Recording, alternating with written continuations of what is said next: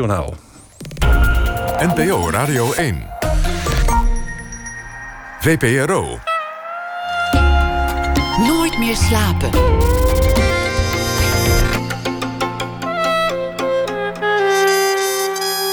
Met Pieter van der Wielen. Goedenacht en welkom bij Nooit meer slapen. De gevreesde ziekte was nog niet geland of het grote vergelijken was al begonnen. Welk land deed het beter en welk land deed het anders? Eén ding trok meteen de aandacht: Zweden. Want in Zweden deden ze alles anders. Geen lockdown, geen draconische noodwetten en geen verplichte sluiting van de horeca. En als iemand het anders doet, dan is dat meteen ook een spiegel. Dus als Zweden het beter lijkt te doen, is er meteen twijfel. Was al die onzin nou wel nodig? En vallen er in Zweden meer doden dan in Nederland, dan hoor je in politiek Den Haag inmiddels openlijk zegepralende reacties. Is natuurlijk flauw, maar het is wel waar. In Zweden doen ze het anders is ook de titel van een eendelige reisserie gemaakt door Thomas Erdbrink en Sander Schimmelpenning. En daarin gaan ze op zoek naar het verhaal achter de Zweedse aanpak. De Zweedse Jaap van Dissel wordt geïnterviewd en uiteraard ook Björn van ABBA. Want het gaat over Zweden, dus het gaat over ABBA. Schimmelpenning, die kent het land vanwege een relatie met een Zweedse parelvisser. En hij is er dan ook vaak. En Thomas Erdbrink, die is hier. Thomas Erdbrink, vooral bekend als onze man in Teheran. Voor de New York Times is hij nu correspondent Noord-Europa. Onze man in Teheran werd ineens correspondent in Lappeland. Thomas Erdbrink werkt voor de New York Times, dat zei ik al. Maakte reisseries voor de VPRO, presenteerde zomergasten en nog heel veel meer dingen. En stamt, als ik me goed herinner, uit 1976. Ja, dat klopt precies, Pieter. Leuk dat je er weer bent. Dank je, dank je. Thanks for having me, zeggen de Amerikanen dan. Het is, ook een mooie dag om je te hebben als uh, correspondent in Lappeland. Want het, het was groot nieuws dat de moord op Olaf Palme na al die jaren opgelost zou zijn. Ja. Dat is, dat is toch een bericht dat, dat, nou ja, dat ik niet meer had gedacht mee te maken. En, en waar, waarvan, waar ik echt helemaal op aansloeg. Ja, het is wel goed om het even neer te zetten voor de mensen die het niet zo bewust hebben meegemaakt. Maar toen ik een jaar of twaalf was, uh, uh, was het eigenlijk de eerste politieke moord waar ik van hoorde. Heeft op mij destijds een hele diepe indruk gemaakt. Het was een koude februari nacht en Olaf Palme op dat moment de uh, ja, socialistische premier van Europa. Iemand die uh, tot ver buiten Europa naam had gemaakt als een, uh, een dwarsligger. Iemand die tegen de Vietnamoorlog was.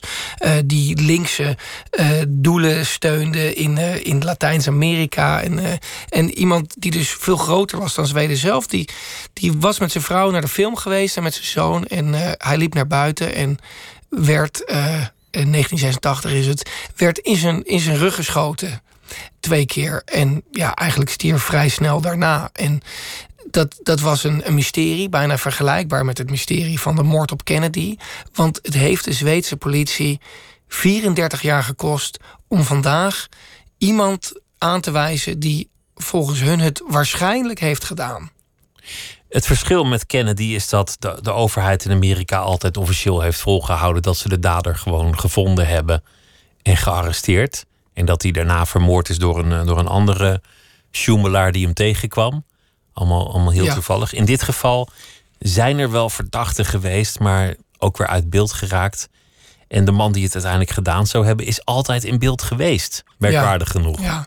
De, de, man die het gedaan zou hebben, was een, eh, een vrij zonderlinge uh, grafisch ontwerper bij een uh, verzekeringsbedrijf.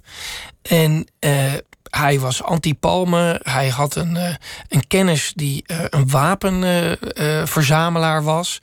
En ja, hij is eigenlijk vanaf moment één... heeft hij bij de politie zich aangemeld als getuige. Alleen ze hebben hem nooit echt als verdachte kunnen zien. En waar natuurlijk die moord op Kennedy en die moord op Palme eigenlijk verweven worden, is als het gewoon komt op het punt van de conspiracy theories, de samenzweringstheorieën. Want uh, natuurlijk, Lee Harvey Oswald heeft Kennedy vermoord, zo staat het in de boekjes. En vandaag probeerde de Zweden dus te zeggen dat Stiek uh, Engstrom uh, de man is die Olaf Palme heeft vermoord. Maar zelfs de aanklager in Zweden moest zeggen dat hij ook niet zeker wist, wist of deze Engstrom die zelfmoord heeft gepleegd in 2000, of die niet ook onderdeel was van een groter geheel en dat er toch niet een organisatie achter zat. Dus er zal over die moord op Palme ook altijd uh, getwijfeld worden of het wel echt de dader was. Er is al een boek over geschreven door een uitmuntend onderzoeksjournalist. Die, die zei al: Ik kom eigenlijk maar tot één conclusie. Engstrom heeft het gedaan.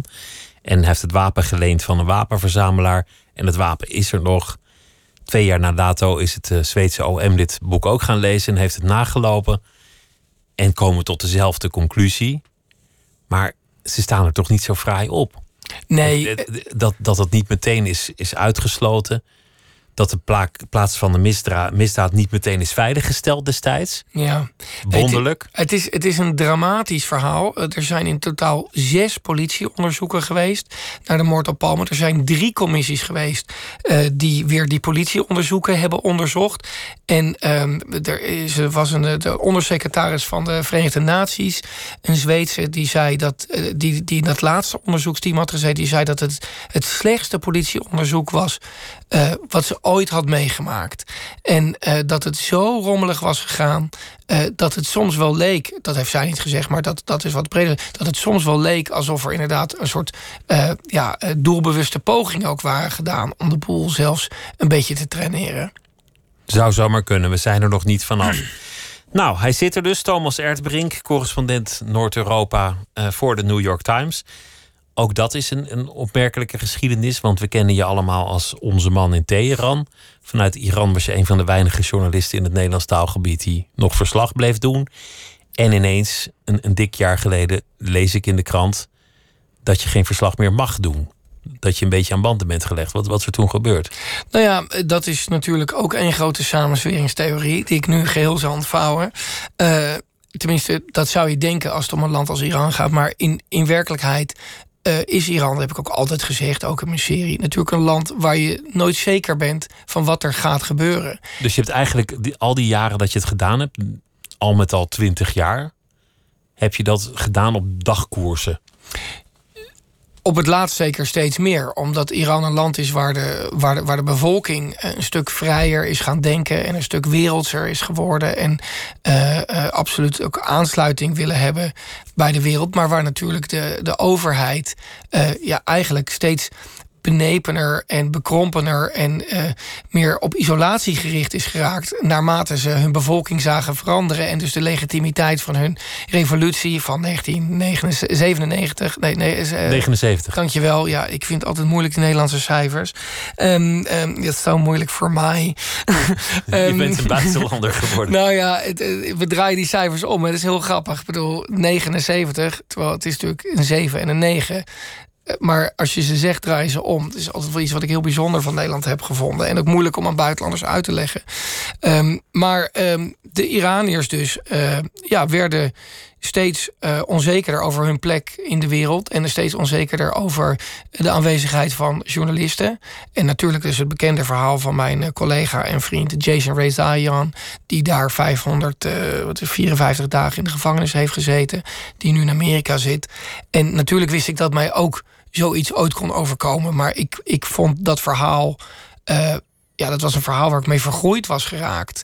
Uh, ik, ik wilde dat niet opgeven. En ja, op een gegeven moment kwam er een bericht van je perskaart uh, is, wordt niet verlengd. Eerst zeiden ze dat de printer kapot was, dat ze de perskaart niet konden printen. En toen, na drie weken, had ik het wel door. En ja, toen heb ik een jaar lang geprobeerd om. Uh, om, dat, ja, om te kijken of het terug zou komen. Ik kon eigenlijk niet veel doen. Kon alleen maar wachten. Het is niet een land waar ze, waar ze graag direct nee zeggen. Dan, dan zoek je een, een omweg. Dat is nou, vriendelijkheid. Ja, maar ik, ik, het was me ook wel duidelijk dat het, dat het had ook geen zin om nog proberen in het systeem een soort van weg te vinden. Ik moest gewoon afwachten of het goed zou komen. En dat kwam het niet. En dat, dat, dat jaar was ook. Uh, een jaar waarin mijn schoonvader overleed. En ook een jaar waarin ik echt wel merkte dat ik ja, twintig jaar lang in de vijfde versnelling had geleefd. Um, ik heb in totaal twaalf jaar nu voor Amerikaanse media gewerkt. Vier jaar Washington Post. Nu acht, negen jaar uh, New York Times. En dat is toch een soort van, ja, ik bedoel, oké, een, ik ben maar een mannetje met een laptop, maar het is wel topsport in de zin van dat je altijd aan moet staan. Dat je 24/7 op je naar je telefoon moet kijken, dat er iets moet gebeuren. En dat ja, toen ik niet meer mocht werken, hield dat ook op. Dat was dat dus was wel was een een voordeel. Een louterende periode. Je, je kwam gedwongen volledig tot stilstand. Ja, het was, het was echt een moment van, uh, van introspectie. En dat ik ook echt kon inzien van ja, dat van stukje naar stukje leven, eh, dat dat uiteindelijk niet heel veel opschiet. En ik ben altijd heel bang geweest dat ik weer daarin zou komen. In die, in die vijfde versnelling van de Amerikaanse journalistiek. En ja, op het laatste bood de krant me toch een nieuwe baan aan. En ik had verder geen opties. Ik had ook wel zin in. En nu zit ik weer helemaal aan die vijfde versnelling. Dus dat, daar ben ik persoonlijk niet altijd tevreden over zesde versnelling, zou ik zeggen. Want, want je hebt in de tussentijd oorlogen verslagen. De oorlog in Irak heb je uh, gedaan, 2003 en de nasleep daarvan. Dan leefde je in Iran, maar je was ook regelmatig hier. Je deed Nederlandse media er gewoon even bij. Radio, televisie. Ja, dat nam ik wel heel serieus natuurlijk. Nee, maar goed, bij die, die volledige belastende baan van de, van de Washington Post en de New York Times. En, en je schreef voor Time Magazine. Ja. En allemaal veel. Ja, en vaak. En dan ook nog in een ingewikkeld regime waar, waar alles echt van stroop gemaakt is en je ja, bureaucratisch je doorheen moet worstelen. Ja, ja het was, nu ik er terugkijk, was het wel een beetje een Rubik's Cube. Um, was het wel uh, heel ingewikkeld. Uh, maar ik heb ook natuurlijk heel veel geleerd van die tijd. En ik ben wel, vind ik zelf, een veel betere journalist geworden dan ik, dan ik ooit had had kunnen worden. Uh, trouwens, overigens bedoel ik daar niet mee dat al mijn stukken goed zijn en, en, en, en niet uh, soms maar, maar als je in, fouten. Als je in, in Leiden was gebleven gewoon en daar als journalist was gaan werken, zoals je begon bij het Leids Dagblad, dan, had je nooit dit niveau kunnen bereiken. Het was dat jij een heel groot verhaal tot je beschikking had. Ja. een heel interessant land. Ja, zeker. Zeker. Maar dan, dan had ik misschien wel meer een, een, een meer gebalanceerd leven gehad. Daar valt ook wel wat voor te zeggen. Weet je, dan, dan had ik uh, ja, gewoon dat je gewoon kleine dingen doet. En uh, dat je een gezin hebt. En, en uh, al die soort dingen. Ik heb natuurlijk een hele mooie vrouw. En ik moet eigenlijk zeggen, dat mag ik al niet van haar zeggen. Een hele intelligente vrouw. maar die heeft ook zo'n soort leven gehad. En daar moeten we allebei best wel van, van, van, van bijkomen op dit moment. Van ja, hoe intens het allemaal is geweest. Wat was dat eigenlijk voor leven? Ja, nou ja, een, een intens leven dus. Dan ben je ineens correspondent Noord-Europa. En dat, dat, dat, lijkt me gewoon een ontzettend gekke baan. Ja, dat, want je leeft nog voor een deel in Iran. Daar speelt je leven zich gedeeltelijk af. Een gedeelte zit je hier in Nederland. Ja. Je verslaat alles wat, wat Amerikanen Noord-Europa noemen. Ja. Hoe, hoe, ver loopt dat? Waar begint dat en waar eindigt dat? Nou, als het aan eh, de New York Times had gelegen, was Noord-Europa al in Luxemburg begonnen. En dan via België naar Nederland en dan heel Scandinavië erbij. Maar dan had ik helemaal geen leven meer gehad. Dus ik heb uh, België helaas uh, aan me voorbij moeten gaan. En Lux het groothertogdom Luxemburg ook. maar ja, het is voor mij Nederland, Zweden, Denemarken, Noorwegen en Finland. Niet Duitsland er nog even bij pakken. Nee, ja, dat. Uh... nee, godzijdank niet. Mijn hemel, wat heb je op de hals gehaald? Nou, ik, het werd me verkocht als uh, dat is lekker rustig, want daar gebeurt toch nooit wat. Vanuit het Amerikaans perspectief. Ja, maar, maar eigenlijk, kijk, ik denk dat mijn, uh, mijn, uh, mijn, mijn editor, mijn managing editor, zoals het dan zo mooi heet, die, die, die zei het wel heel mooi. Die zei als je naar die, naar die landen kijkt, hè, Nederland en Scandinavië, dan, dan wonen er allemaal mensen uh, en die zullen zeggen dat zij de standaard van de wereld zijn. Dat, dat eigenlijk het het beste zou zijn als, als iedereen een beetje wordt zoals wij leven, dan heel breed gezien tussen Nederland en Zweden. Maar als je dit van de buitenwereld af bekijkt, dan, dan zijn Nederland en Zweden en die andere Scandinavische landen zijn eigenlijk een soort van laatste paradijzen. Waar inderdaad hè, de premier op de fiets uh, aankomt, uh, waar, uh, waar aan, aan, aan gelijkheidsquota's wordt gedaan waar er nog eh, controle is op hoe het belastinggeld wordt uitgegeven, waar mensen nog in debat gaan, tenminste wel wat minder dan vroeger, maar nog in debat gaan en naar elkaars punten proberen te luisteren.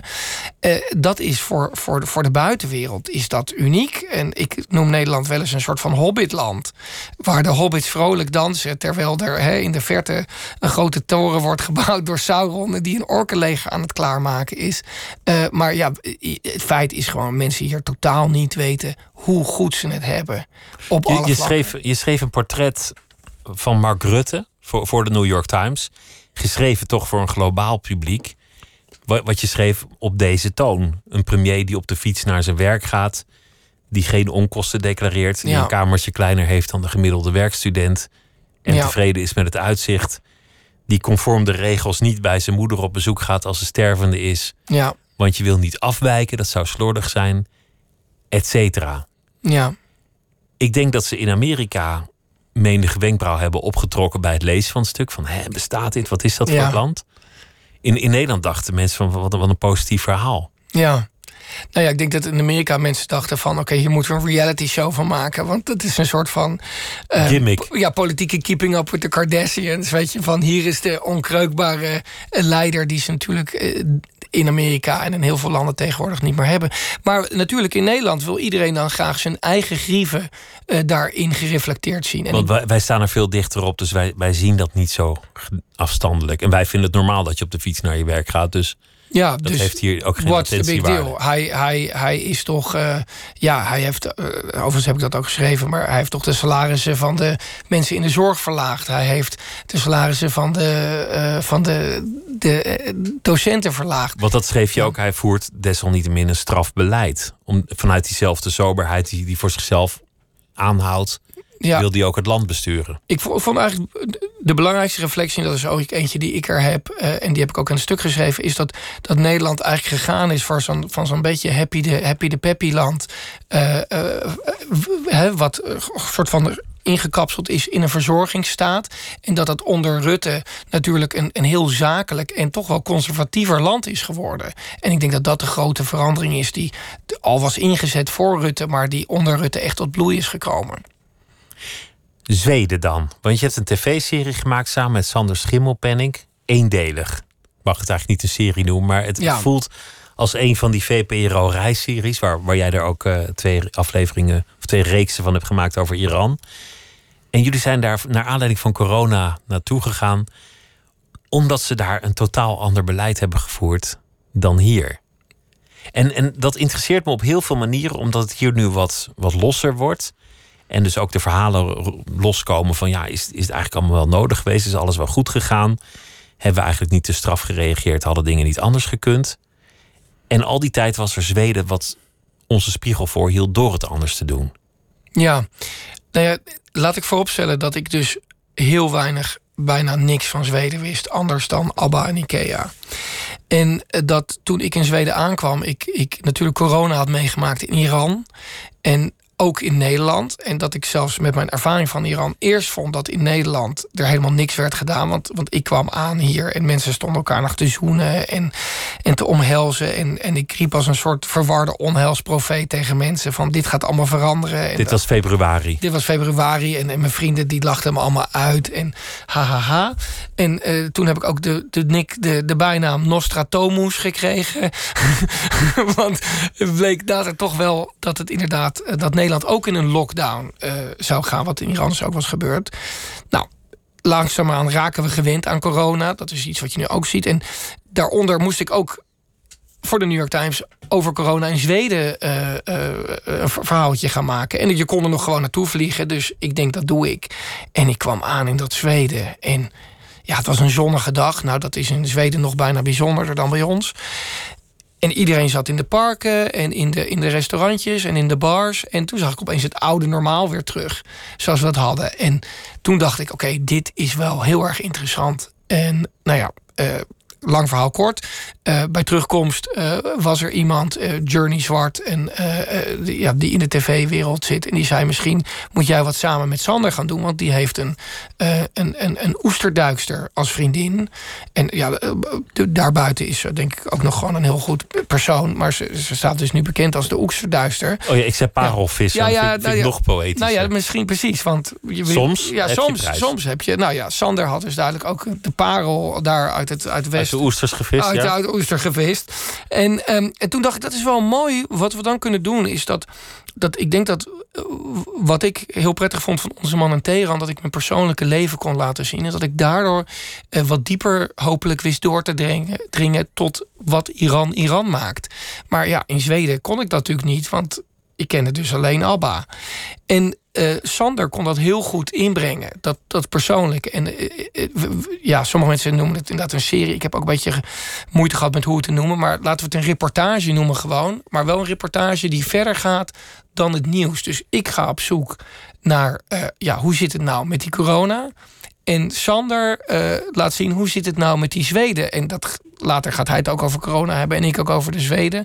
En ik hoop dat dat een soort vollediger beeld geeft van ja, waarom de Zweden de corona anders doen, maar ook feminisme, vrouwen, uh, gelijkheid, uh, kinderrechten, andere zaken. Dat komt allemaal aan bod. Wij hebben Jaap van Dissel. En Jaap van Dissel is, een, is een, een wonderlijk gegeven, want het is een, een man die, die gewoon altijd zijn, zijn studies heeft gedaan en, en zijn functie had. Die ineens vol op het nationale podium werd gehezen voor miljoenen kijkers en eigenlijk het hele land wachtte af wat hij te zeggen had. Ja. En hij was meer en meer zichtbaar oncomfortabel met die rol die hem werd toebedeeld. Het werd ook een beetje op hem afgeschoven, had ik soms zelfs het idee. Mm. In Zweden hebben ze ook een Jaap van Dissel, maar dat is een totaal andere persoonlijkheid en hij heeft ook hier en daar totaal andere adviezen. En jij hebt die man gesproken. Ja, die man, Vertel eens over hem. Nou, die man heet, die heet heel grappig Anders, van zijn voornaam. Anders Teknel. Zweden doen het anders. Nou ja, Anders is daar dus de leider. En uh, dat is een beetje, ja, ook net als, als, als meneer Van Dissel... een wetenschapper die zich ongemakkelijk voelt in de limelight... maar die door de omstandigheden daar dus volledig staat. En wat ze in Zweden net wat anders doen dan bij ons... is dat in Zweden alle beslissingen door de wetenschappers worden genomen. Dus er is geen persconferentie van uh, deze Technel samen met uh, de premier van Zweden. Nee, het is alleen deze Technel en die maakt met anderen het beleid. Dus waar Jaap van Dissel al oncomfortabel is dat hij überhaupt op dat podium staat als wetenschapper, ja. heeft deze man het zich helemaal eigen gemaakt. Ja, precies. En, en, en deze man vind ik een uniek figuur, want hij gaat compleet uh, ja, tegen, tegen uh, het, het, het, het, het denken in Europa in. Omdat hij dus heeft bepaald, Zweden moet open zijn. We kunnen gewoon doorgaan. En wat is zijn redenering?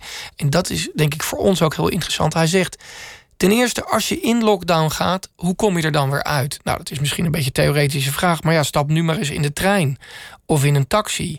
Of uh, ga maar eens naar een school met je kinderen. Dan zie je onze, de, de moeite die wij hebben om weer uit de lockdown te komen. Wij proberen op zijn Nederlands nu alles, die anderhalve meter van meneer Wiebes te maken. Hè. Dus alles wordt afgemeten. En, en de mensen gaan met meetlatjes uh, door, het, uh, door het land om zich maar aan die nieuwe regels te houden.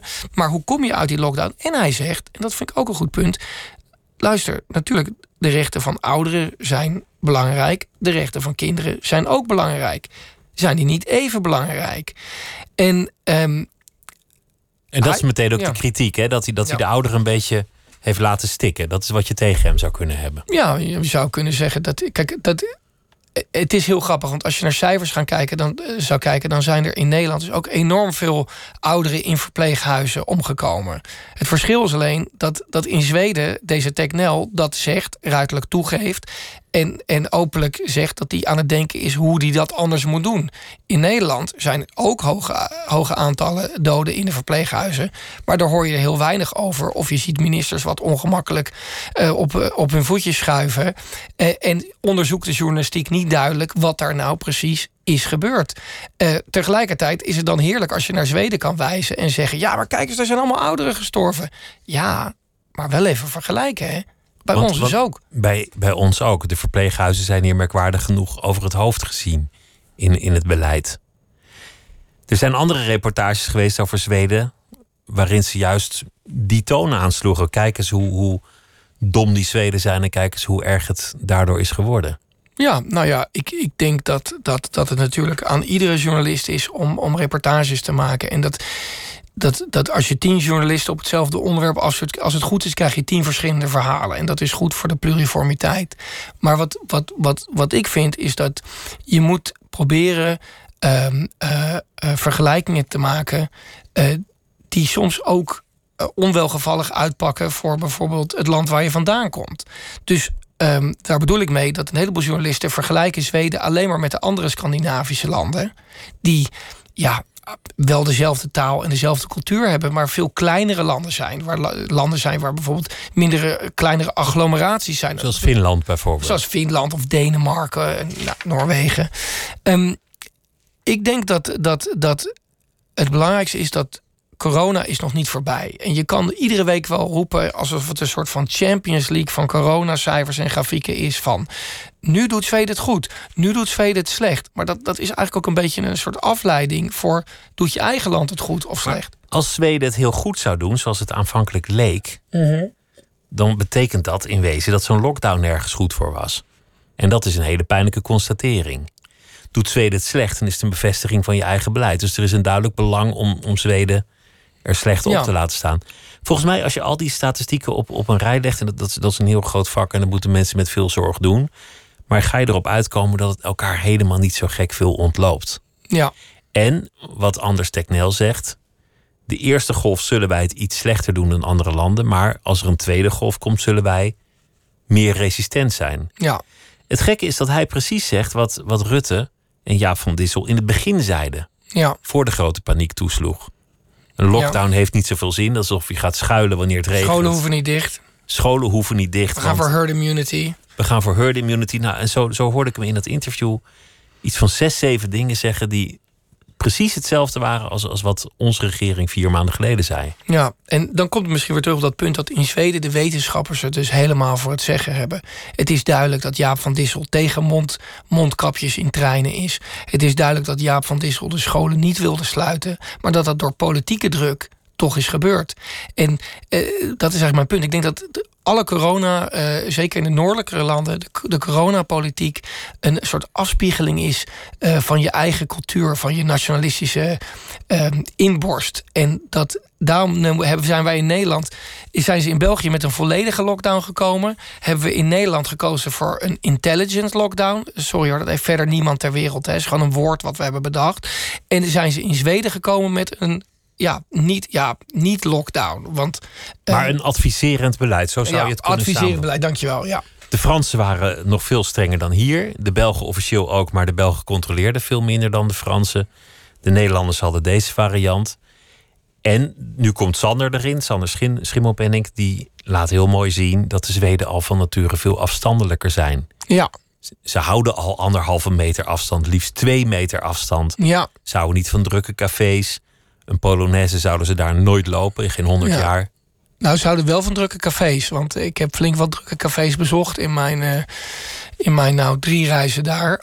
Alleen, ja, er zijn natuurlijk ook Zweden die, eh, die niet eh, in de stad wonen. Maar dat, dat zei Sander overigens ook. volgens mij, als ik het cijfer goed herinner van hem, hij is hier nu niet, woont daar ook iets van 80% van de mensen in of nabij een grote stad. Dus ja, dat is ook niet dat ze allemaal in de bossen zitten daar in het noorden. Je zei het moeilijke aan een lockdown is hoe kom je eruit. Nu speelt in Nederland eh, de coronawet. Die moet met grote haast door het parlement eh gereest worden. Parlementariërs krijgen een week om het te lezen. Staatsrechtgeleerden, de Orde van Advocaten, de Nationale Ombudsman hebben allemaal gezegd een ernstige aantasting van onze democratische grondrechten. We gaan terug naar de tijd van Willem I. Ja, Ik las ergens, het is zoals politici een crisis aangrijpen om hun eigen macht te bestendigen, de Rijksdagbrand van Nederland. nou, die kwam Ja. er ook lekker in. Ja, precies. Nou ja, ik- maar, ja. maar dat heb je natuurlijk niet als je een adviserend beleid doet. Dan hoef je ook geen, geen rare noodwetten er doorheen te jassen. Nee, precies. En, en dat is denk ik ook iets wat heel zorgelijk is in Nederland. Dat, eh, kijk, politici, als ze meer macht kunnen krijgen, waar ook ter wereld, heb ik natuurlijk in Iran heel erg gezien, maar ook in Nederland of bij de gemeente of zo kan je dat ook al zien. Als ze macht kunnen krijgen, dan doen ze het. Als ambtenaren macht kunnen krijgen, dan doen ze het niet omdat het slechte mensen zijn, maar omdat ze denken dat ze daar beter mee kunnen besturen. En daarom verwacht ik juist van iemand als Rutte, die zich natuurlijk voorstaat als liberaal, als iemand die de regels volgt, eh, dat deze coronawet eh, eh, ja, op deze manier niet, geen, geen doorgang vindt. Want we zijn ons land nu aan het inrichten op een manier die steeds moeilijker wordt er, om er weer uit terug te komen. Maar Rutte is populairder dan ooit. Ja, En heeft er dus belang bij om deze noodtoestand langdurig vol te houden. Zou je cynisch kunnen zeggen. dat, dat zou je cynisch kunnen zeggen. En nogmaals, eh, ik, ik kan het helemaal geloven dat politici erop uiteindelijk in hun hart op uit zijn om hun macht te vergroten als ze dat kunnen. Dus dit is een moment waarop mensen waakzaam moeten zijn. Eh, want ja, ik heb aan mijn lijve ondervonden in, in andere landen.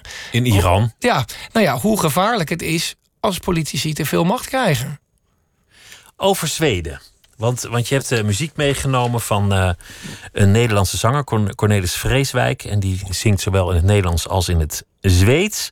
Ja. En uh, dit, dit is een, een, liedje met een, een lekker Zweedse titel. Nou, ik ga niet eens doen alsof ik Zweeds kan. Misschien, misschien kan jij dit even, ja. even voorlezen. Ja, het is kijk, ik ben helemaal niet verstaan, want ik kan dus geweldig Zweeds. not. Ik kan ook het. Oh, hier staat het. Nou, dit nummer. Hier komt het nummer van Cornelis Vreeswijk en het heet Somliga Karl met Trasiga Score. Nou, veel plezier. Somliga går med trasiga skor Säg vad beror det på? Gudfader som i himmelen bor kanske vill ha det så fader som i himmelen bor. Blundar och sover sött. Vem bryr sig om ett par trasiga skor? När man är gammal och trött. Vem bryr sig om hur dagarna går?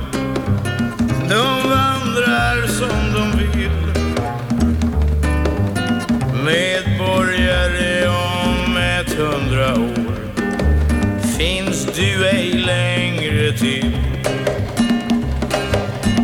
Då har någon annan tagit din stol. Det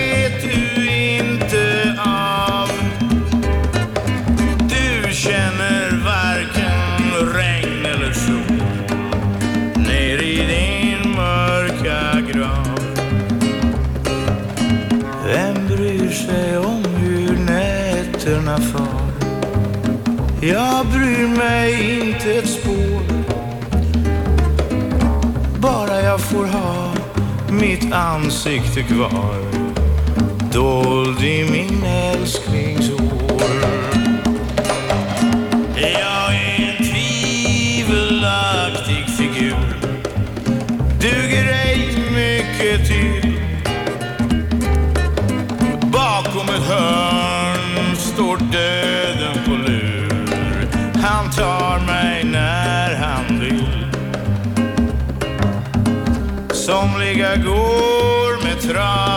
Trasiga skor.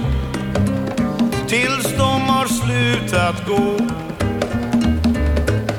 Djävulen som i helvetet bor får sig ett gott skratt då.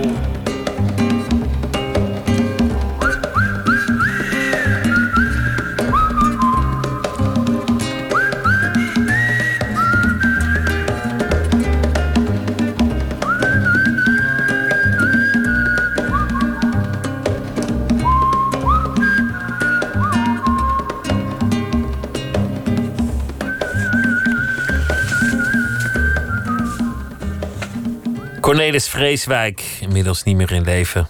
En hij is uh, een Nederlander die naar Zweden vertrok. En van daaruit uh, muziek is gaan maken en meegenomen. Omdat uh, Thomas Erdbrink hier is. Onze man in Teheran is tegenwoordig correspondent Noord-Europa voor de New York Times.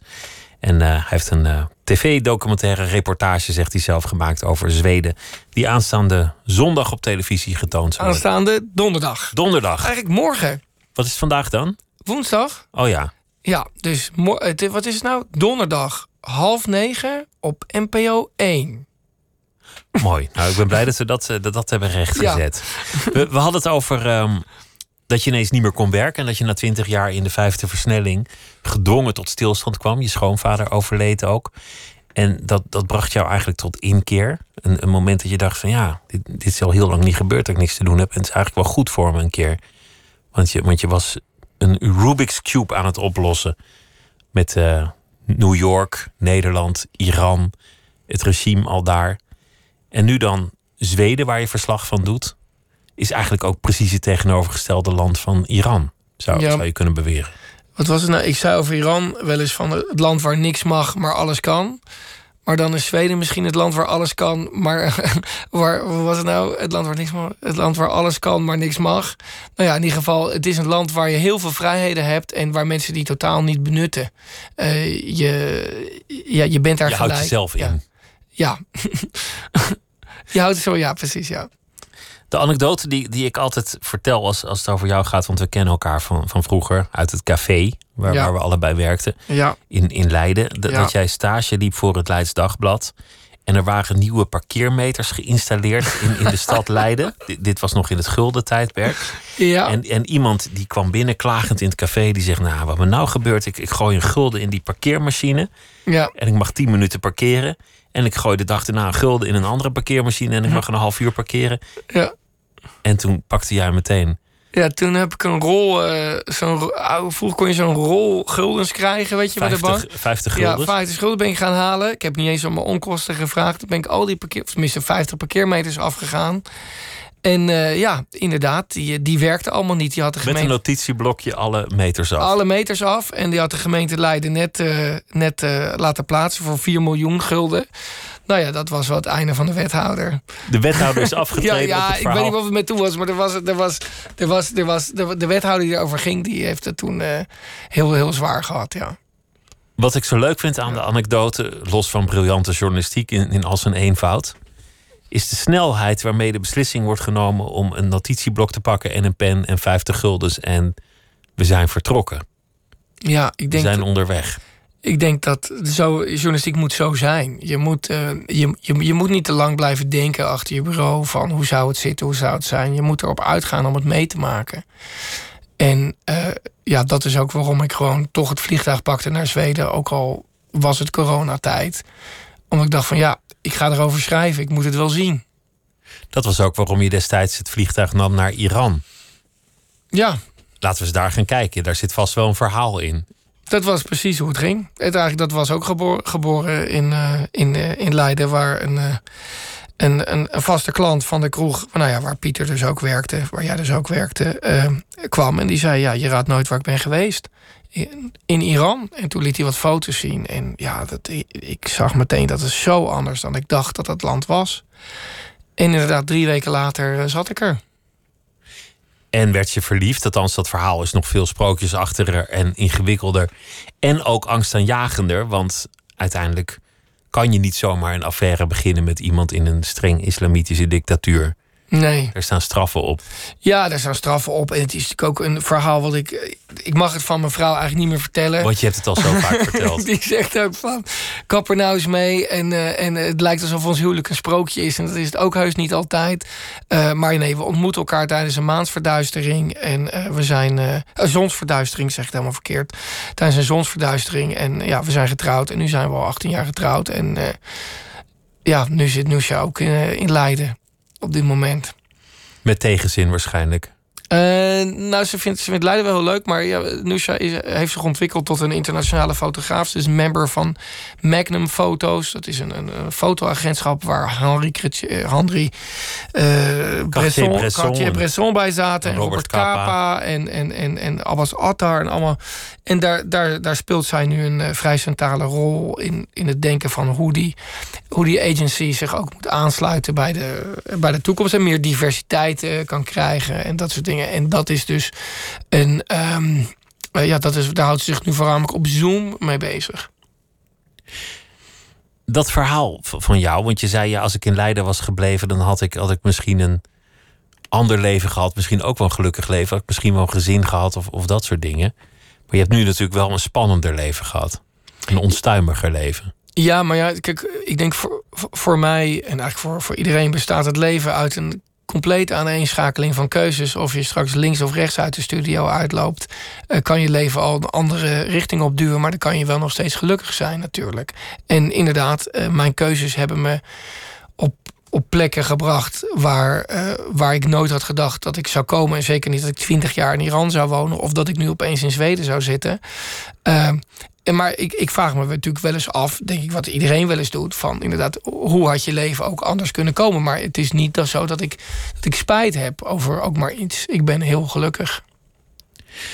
Het had ook leden kunnen gaan. In, in die jaren was er altijd wel een dreiging dat er misschien oorlog met Iran zou kunnen komen. Of dat je in allerijl je koffer zou moeten pakken om, om hierheen te gaan. Of dat je 500 dagen in een, in een cel had kunnen eindigen. Ja. Het is altijd een zekere mate van gevaar geweest. Ja, Hoe, hoe ga jij om met gevaar? nou, ik, ik denk er niet zoveel over na. Eh, anders dan dat ik nooit onverantwoordelijk wil zijn. Maar ik heb in het verleden ook. Eh, ja, jij, noemde Irak, maar ik heb ook nog eh, de, oorlog tussen Israël en, Libanon, of eigenlijk Hezbollah, gecoverd. Eh, ik ben in Afghanistan geweest toen de Amerikanen binnenvielen. Ik was als een van de eerste in de, de brandende tent van Gaddafi toen die Tripoli moest verlaten in 2011 tijdens de opstand daar. En ik weet nu wel dat ik bijvoorbeeld liever geen oorlogsverslaggeving meer doe. Dus als het gaat om gevaar uitbannen, is dat al één ding. Maar ik, ik hou van, van, van, van druk en ik hou van een meeslepend leven hebben. En ik hou van dingen meemaken. En daar komt soms een bepaald gevaar bij. Eh, Wil, dat zeggen dat je het ook nodig hebt? nou, ik zou het wel heel moeilijk vinden om nu, om nu helemaal niks te doen. Maar het, voor, het vorige jaar, dat ik dus niks deed, eh, was voor mij op, op een heel bijzondere manier dus een enorm ontspannen jaar. Ik heb, ik heb gewoon het hele jaar niks gedaan. En toen ik, toen ik na een jaar dus eh, weer, ja, weer eens in Nederland was, toen zeiden mensen van. eh, nou, is je boek al af? Zei ik, ja, hè? Nou, oh, shit, shit, ik heb helemaal geen boek geschreven. Ik had een boek kunnen Ja, schrijven. Dit was maar dat ja. moment. Maar ik heb echt niks, niks gedaan. En, en, en, en, ja, echt wat je, wandelingen gemaakt en alle clichés. En dat, dat, was, dat was heerlijk. En ik ben ook ontevreden met hoe ik mijn leven nu weer inricht. Ik zou liever meer vrije tijd hebben. Dit, dit heb ik de laatste maanden van zoveel mensen gehoord. Door, door die corona Oh, dat- ja, dat zou kunnen, ja. ja. En, en Ja. terwijl het een immense ramp van onvoorstelbare proportie is. Die hele corona. ja. Het enige wat ik hoorde van mensen was... Ja, ik vind het wel lekker rustig. Nou ja, dat, dat laat. Dat, Eindelijk even niet vroeg opstaan naar mijn werk. de, de- ik las een hele goede column van Bert Wagendorp in de Volkskrant vandaag. Over, eh, over, eh, die eindigde met dat Nieuw-Zeeland. eh, over de grenzen van groei. En die eindigde met dat Nieuw-Zeeland de mate van geluk van mensen wil gaan meten. En dat is natuurlijk de volgende fase waar we ingaan. Je ziet al dat, dat mensen gaan niet meer naar kantoor zoals vroeger. Dat, dat, dat gaat anders worden. Mensen gaan hun levens anders kunnen indelen. En natuurlijk de volgende fase van ontwikkeling als mens is hoe je ook gewoon ja, andere invulling aan je leven kan geven dan, dan, dan alleen maar het najagen van het dagelijkse. Dan werk en geld. Ja, Er komt ook steeds meer robotica, waardoor voor- heel veel beroepen werk helemaal niet meer echt een optie is. Omdat een robot al jarenlang dat werk doet. ja nou, dus, dus sommige presentatoren zijn al bijna robots. Maar ook, ook dat vak is Ik streef er nog naar om daar te komen. Ja, Pieter. Op een dag ben ik daar, Thomas. We hebben een model. Pieter voor presentator. Ehm, eh, nee, maar natuurlijk, ja, eh, dat, dat, dat- ik bedoel, we leven in een heel bijzondere tijd. Eh, want er is niet alleen hè, heb je het probleem van globalisatie, je hebt wereldwijde mi- migratie, je hebt technologische ontwikkelingen, je hebt een enorme shift in, in hoe er over financiën en economie wordt nagedacht. Dat is ook wel heel bijzonder om mee te maken. En dat, dat- ik denk dat dit het moment is om voor alle opties open te staan. Of je nou wakker geschud wordt door corona, of omdat je een jaar lang met je armen over elkaar in Iran moet zitten. Eh, ik, ja, nogmaals, ik verbaasde me dat ik zo genoot daarvan. Jouw leven in Iran was, was ook een beetje, um, onerbiedig gezegd, een soap geworden. Want, want je vrouw klaagt erover, maar je, in je Volkskrant Magazine column voer je de kat op. Je schrijft over je, je schoonfamilie. Ja, De, de dood van je schoonvader is, is min of meer een publiek gegeven ja. hier, hier in Nederland. Jouw familie in Nederland, daar, daar lees ik je niet over. Daar, daar hoor ik je niet over. Nee, ik denk dat ik dat ook heel bewust heb gedaan. Omdat ik, omdat ik vind dat in Iran de leiders veel te veel aandacht krijgen en de mensen veel te weinig. En, en ik heb eh, mede dankzij mijn tijd dat ik voor NRC heb gewerkt, 12 jaar voor NRC Handelsblad gewerkt. eh, naast dan eh, de, de andere kranten. En daar hebben ze altijd het rubriekje. En in, in het rubriekje mocht de, mocht de correspondent dan een beetje over het gewone leven schrijven. En ik merkte al snel dat, dat mensen dat rubriekje, dat bleef heel vaak hangen. Maar die doorvrocht dus analyses over... eh, hè, eh, De as van het kwaad. Ja, de as van het kwaad, die waren ze wat sneller vergeten. En eh, dat is ook waarop uiteindelijk Roel van Broekhoven, de regisseur... en ik eh, ehm, onze man in Teheran hebben, hebben neergezet. Dat we wilden graag een connectie maken. We wilden graag mensen opvoeren. En niet de Iraanse politiek. En dat heb ik in mijn columns ook altijd gebeurd. En dan kom je toch uit bij de mensen om je heen. Die je dagelijks meemaakt. Ja, En het Ja. leven dat je, Ja, dat je kent. Ja, het feit dat, dat, dat de buurvrouw tijdens het fitnessen omkomt. Of ja, ik kan al die stukjes niet meer herinneren. Maar, maar, maar, maar eh, het- ik vond het heel leuk om voor de Volkskrant op die manier te schrijven. Maar ja, vanuit Nederland is dat veel gewoner natuurlijk. En er schrijven in Nederland al heel veel mensen over, over hun ouders. Over het alledaagse, dat, Oh. dat zou niet jouw ding zijn. Eh, ja, tenzij dat we voor de New York Times zou kunnen doen. Dus dat ik voor de New York Times over het alledaagse zou kunnen, kunnen schrijven. Kijk, ik ben bijvoorbeeld in, in Leiden op dit moment heel begaan. Met, met, in Leiden heb je een, een plein, er staan allemaal auto's op. En er staan prachtige oude platanen. En de gemeente Leiden is nu voornemens om eh, de helft van die platanen om te zagen. En eh, dat plein eh, praktisch vol te bouwen met, met, met woningen. Er komen er 16 woningen voor, eh, ja, zeggen, 800.000 euro per woning. En nou, ik vind het gewoon mindboggling. Want waar ter wereld, zeker in een land als het onze, wordt nog een plein bebouwd in een, in een kleine binnenstad, terwijl je daar ook een park van zou kunnen maken. En, en toen dacht ik, dat is eigenlijk wel interessant om voor de New York Times op te schrijven. Van, van, eh, want dan kan je eigenlijk in hele kleine stapjes zien hoe dat leven in Nederland werkt. Hoe je kan inspreken en hoe je, eh, hoe je ja, kan proberen gemeenteraadsleden aan te spreken. En hoe, hoe moeilijk het voor hun is om tegen ambtenaren in te gaan. En hoe een stad werkt, want dat, dat is heel anders dan in Amerika. Ja, precies. En eh, dat, dat, dus dat, daar zit ik wel over te denken om, om, om dat te doen. We hebben dan bij de New York Times de Dispatch. Ehm, en eh, ja, dacht ik is eigenlijk wel leuk om, eh, om het over zoiets te hebben. Leiden is wat dat betreft ook de wonderlijkste stad op aarde. Want als je een rondleiding door Leiden krijgt, dan krijg je te horen: hier stond het geboortehuis van Rembrandt. ja, dat heb Er ik staat ja. er een, een jaren negentig woning. Hier stond de, de molen van de vader van Rembrandt. Ja. En er staat dan ook een of andere flat. Dit was de kerk van de Pilgrim Fathers, Ja, het begin van Amerika. Ja. En, dat, en dat is een, een, bioscoop en ook een, een nieuwbouwproject. Platgewalst, platgewalst. Allemaal Ja, jaren ja. negentig, dus, dus ook allemaal tamelijk recent. Ja, Als, als iets historische waarde heeft, dan komt de gemeente met een bulldozer van fuck, weg ermee. Nu. Ja, het is. Het is eh, ik, en ik denk dat dat, dat dat voor veel plekken geldt. Ik denk dat. Wat ik net zei, dat we in zo'n periode zitten waar eigenlijk alles op het spel staat. Dan zie je toch een heleboel eh, politici eh, en ook burgers toch teruggrijpen naar dingen die tastbaar zijn. En dan is het misschien eh, op een hele. Ja, bijna vind ik verwarrende manier eh, beter om, om, om acht woningen van acht ton te bouwen per stuk. Zodat je later kan zeggen, die heb ik gebouwd. Dan dat je een leuk parkje maakt waar mensen een beetje ja, met elkaar ervaringen kunnen hebben. En, dat voelt luxe, dat voelt ja, decadent. dat voelt dan echt of, of tastbaar. Inderdaad, van dit hebben we neergezet, dit hebben we gebouwd. En eh, eh, groeien, groeien, groeien. Zelfs in zo'n kleine binnenstad op zo'n pleintje. Nou, dat is als niet alleen verleidend, nogmaals, dat, dat zie je in heel veel steden in Nederland. Wat, wat voor gezin kom je eigenlijk uit? Wat, wat, wat kan je eigenlijk vertellen over, over die familie waar je niet over schrijft in Nederland? Nou eh, ja, eh, mijn moeder is, eh, is, heeft kunstgeschiedenis gestudeerd. Mijn vader was jurist bij een, bij een Nederlands offshore bedrijf. En, en die reisde veel. En ik denk dat los van een achtergrond, het interessantste is dat mijn ouders nooit hebben geklaagd dat ik twintig jaar in Iran ging wonen. Dat ze altijd hebben gezegd: dit is wat jij graag wil doen. Leef En- je leven, ja, jaag het na. ja, echt zo. En dat zoals mijn moeder zegt nu nog van... joh, dat Zweden is niks voor jou. Je moet gewoon weer terug naar Iran. Dat, dat voel ik eigenlijk ook als ik met je praat. Ik Nou, voel, voel ja. als ik met jou praat dat die nieuwe eervolle opdracht... correspondent Noord-Europa voor de New York Times... hoe, hoe chic en, en vol status het ook is... Dat, dat, dat het toch niet echt is wat je, wat je wil. Nee, natuurlijk niet. Maar, eh, maar het leven is soms zo. Je krijgt niet altijd echt wat je wil. Het is En- een beetje corvée bijna, of niet? Nee, het is niet corvée. Want het is natuurlijk wel heel interessant om inderdaad opeens van een plek te zijn waar, waar, waar niks werkt. Naar een plek te gaan waar alles werkt. En ik, ik had in Iran ja, misschien één keer een minister geïnterviewd. En dat heeft me maanden gekost. En ik kwam in Zweden aan. En op dag twee zat ik al met twee vrouwelijke ministers. Ehm, eh, ja, niet dat ik zo graag ministers interview. Maar even aan te geven hoe open die maatschappij is. En hoe zelfverzekerd ze zijn. Dus ik vind het wel heel interessant. Maar ja, eh, dit, dit is niet iets wat ik jarenlang ga doen. Dus je wacht eigenlijk op een volgende missie, op een, op een volgend plan. Ja, ik had gehoopt eigenlijk idee. om, eh, om op één te presenteren, maar toen ging jij dat al doen.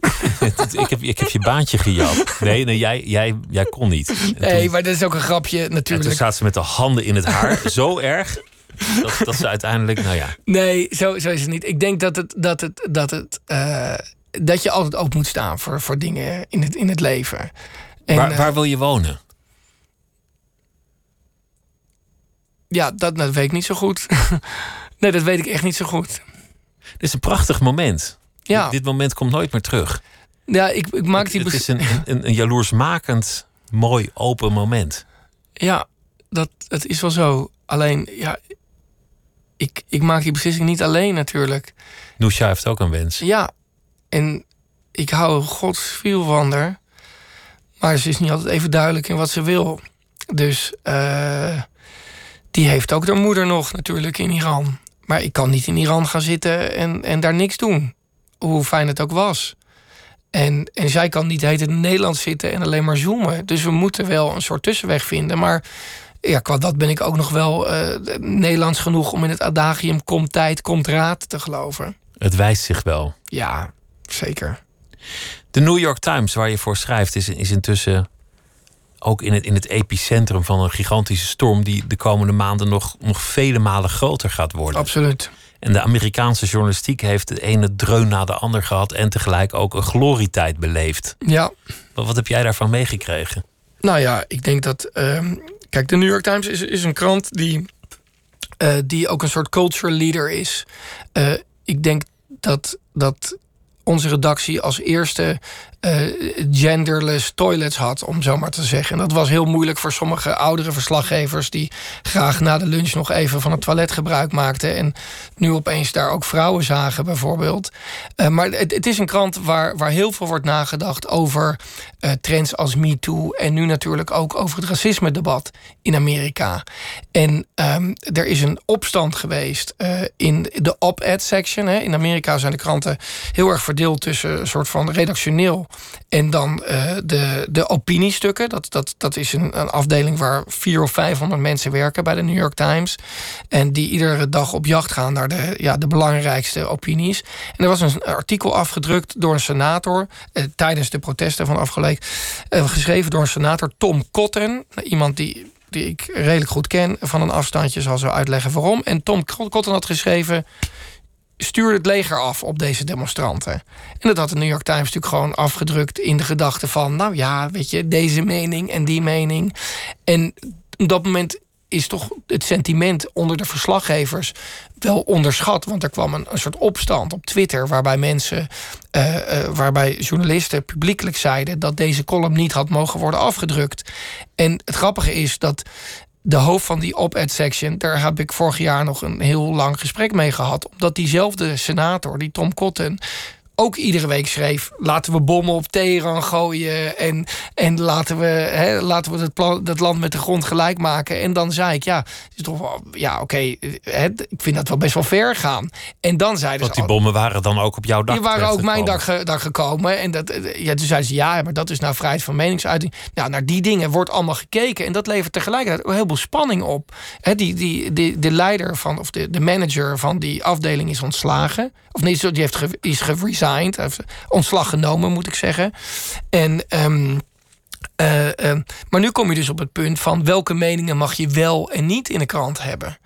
En Trump heeft zich bij herhaling, nou ja, bij, eh, permanent afgekeerd van, van de New York Times voorop en de media Ja. achteraan. Ja, Vroeger was dat een instituut voor het hele land, gezaghebbend. Ja. Iedereen, iedereen wist waar het stond, omdat ze allemaal uiteindelijk dezelfde media min of meer Ja. volgden. Nu heeft iedereen zijn eigen kanaal. Volledig. En, en dat raakt steeds verder gedesintegreerd. ja, En het, het leger wordt dan afgestuurd op, op demonstranten. De legertop die weigert. ja, Straks verkiezingen. Er, er is nu al gespeculeerd van... als Trump verliest, gaat hij vertrekken? Of Ja. blijft hij gewoon zitten? Zegt hij fake news? Hertelling hier, hertelling daar. ja. Amerika is zo ontzettend versnipperd aan het raken. Ja, nou dat, maar dat is natuurlijk als je, als je dat land hebt gevolgd, gezien vanuit Iran. eh, en dan had ik ook nog geluk dat ik daar vaak op bezoek kwam vanwege de New York Times.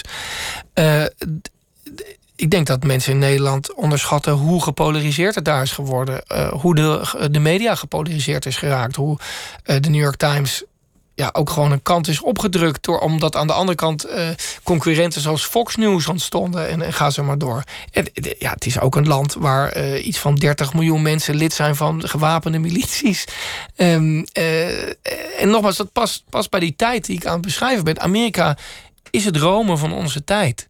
Wij zijn meer met Amerika bezig dan met onze buurlanden. En wij, wij kijken wat Amerika op militair, op economisch en op cultureel vlak doet. En wij volgen dat. En Amerika is aan het veranderen en dat gaat voor ons ook tot veranderingen leiden. En het, het MeToo-debat was een, was een heel goed voorbeeld. En nu uh, zijn die demonstranten in Amerika ook in Nederland het debat over racisme aan het, aan het aanzwengelen. Wat, wat een geweldig debat is. Uh, wat mensen moeilijk en ongemakkelijk vinden, maar wat geweldig is, omdat als je na gaat denken, uh, krijgt iemand als Thomas Erdbrink makkelijker een lening bij een bank of een baan dan als je Noordin Abdullah heet of Nusha Tavakolian om maar wat te noemen. Dus uh, als je het in dat soort, uh, uh, op die manier gaat brengen, dan, dan is het in die veranderende land wat Nederland ook is. En, en 24% van de Nederlanders is, van niet, of is, is, is niet in Nederland geboren. Of heeft ouders niet in Nederland geboren zijn, of is zelf niet in Nederland geboren. Dat is bijna een kwart van onze bevolking. Ja, dat, dat, dat, dat moet anders worden. Wat je hiermee eigenlijk zegt is dat het zijn in een andere cultuur, in Iran, in zo'n ander land, jou een perspectief heeft gegeven. Wat een aanwinst is voor wat je ook verder gaat doen in de journalistiek. Die blik die draag je nu met je mee. Jij ziet dit veel helderder. Die, die uh, eenwording tussen Europa en Amerika en het uiteenvallen van Amerika, omdat je het vanuit Teheran hebt kunnen zien. Nou ja, ik, ik, ik zeg wel eens van. Uh, de sancties tegen Iran heb ik natuurlijk aan den lijve ondervonden. Maar wat ik zag, hoe die sancties uitwerkten, was dat als ik geld wilde overmaken van mijn Nederlandse bankrekening uh, in Leiden naar mijn vader in Leiden. En al was het maar 10 euro. En als ik daar Iran bij zou schrijven, dan wordt mijn rekening in, van de ING wordt bevroren. Uh, vanwege Amerikaanse wetgeving. Hoe kan dat? Omdat die 10 euro misschien in een milli, milli, milliseconde nog even via New York flitst, flitsgeld. Uh, en zo valt dat geld dan onder Amerikaanse wetgeving. Um, ja, Amerika is, is, is, is, is een machtig land. En dat, ja, dat, dat is iets wat ik zeker heb, heb, heb, heb ingezien ja, de afgelopen twintig jaar. Morgenavond te zien op NPO 1. In Zweden doen ze het anders. Een uh, reportage gemaakt door uh, Sander Schimmelpennik en Thomas Erdbrink. Thomas, leuk je weer eens te ontvangen. Ik wens je heel veel plezier en heel veel succes, et cetera. En dit was Nooit meer slapen voor deze nacht. En morgen dan komt Govert Schilling op bezoek om te praten over uh, dag, nacht en de hemel, de aarde, de wolken, de sterrenhemel, de maan, et cetera. En zometeen Miss Podcast met uh, Misha Blok. Goeienacht.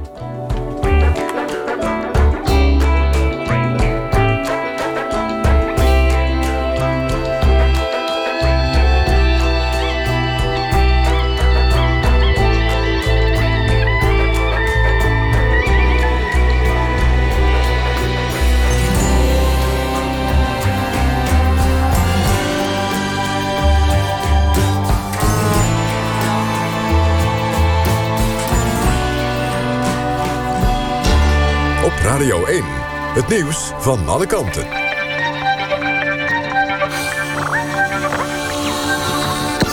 NPO Radio 1.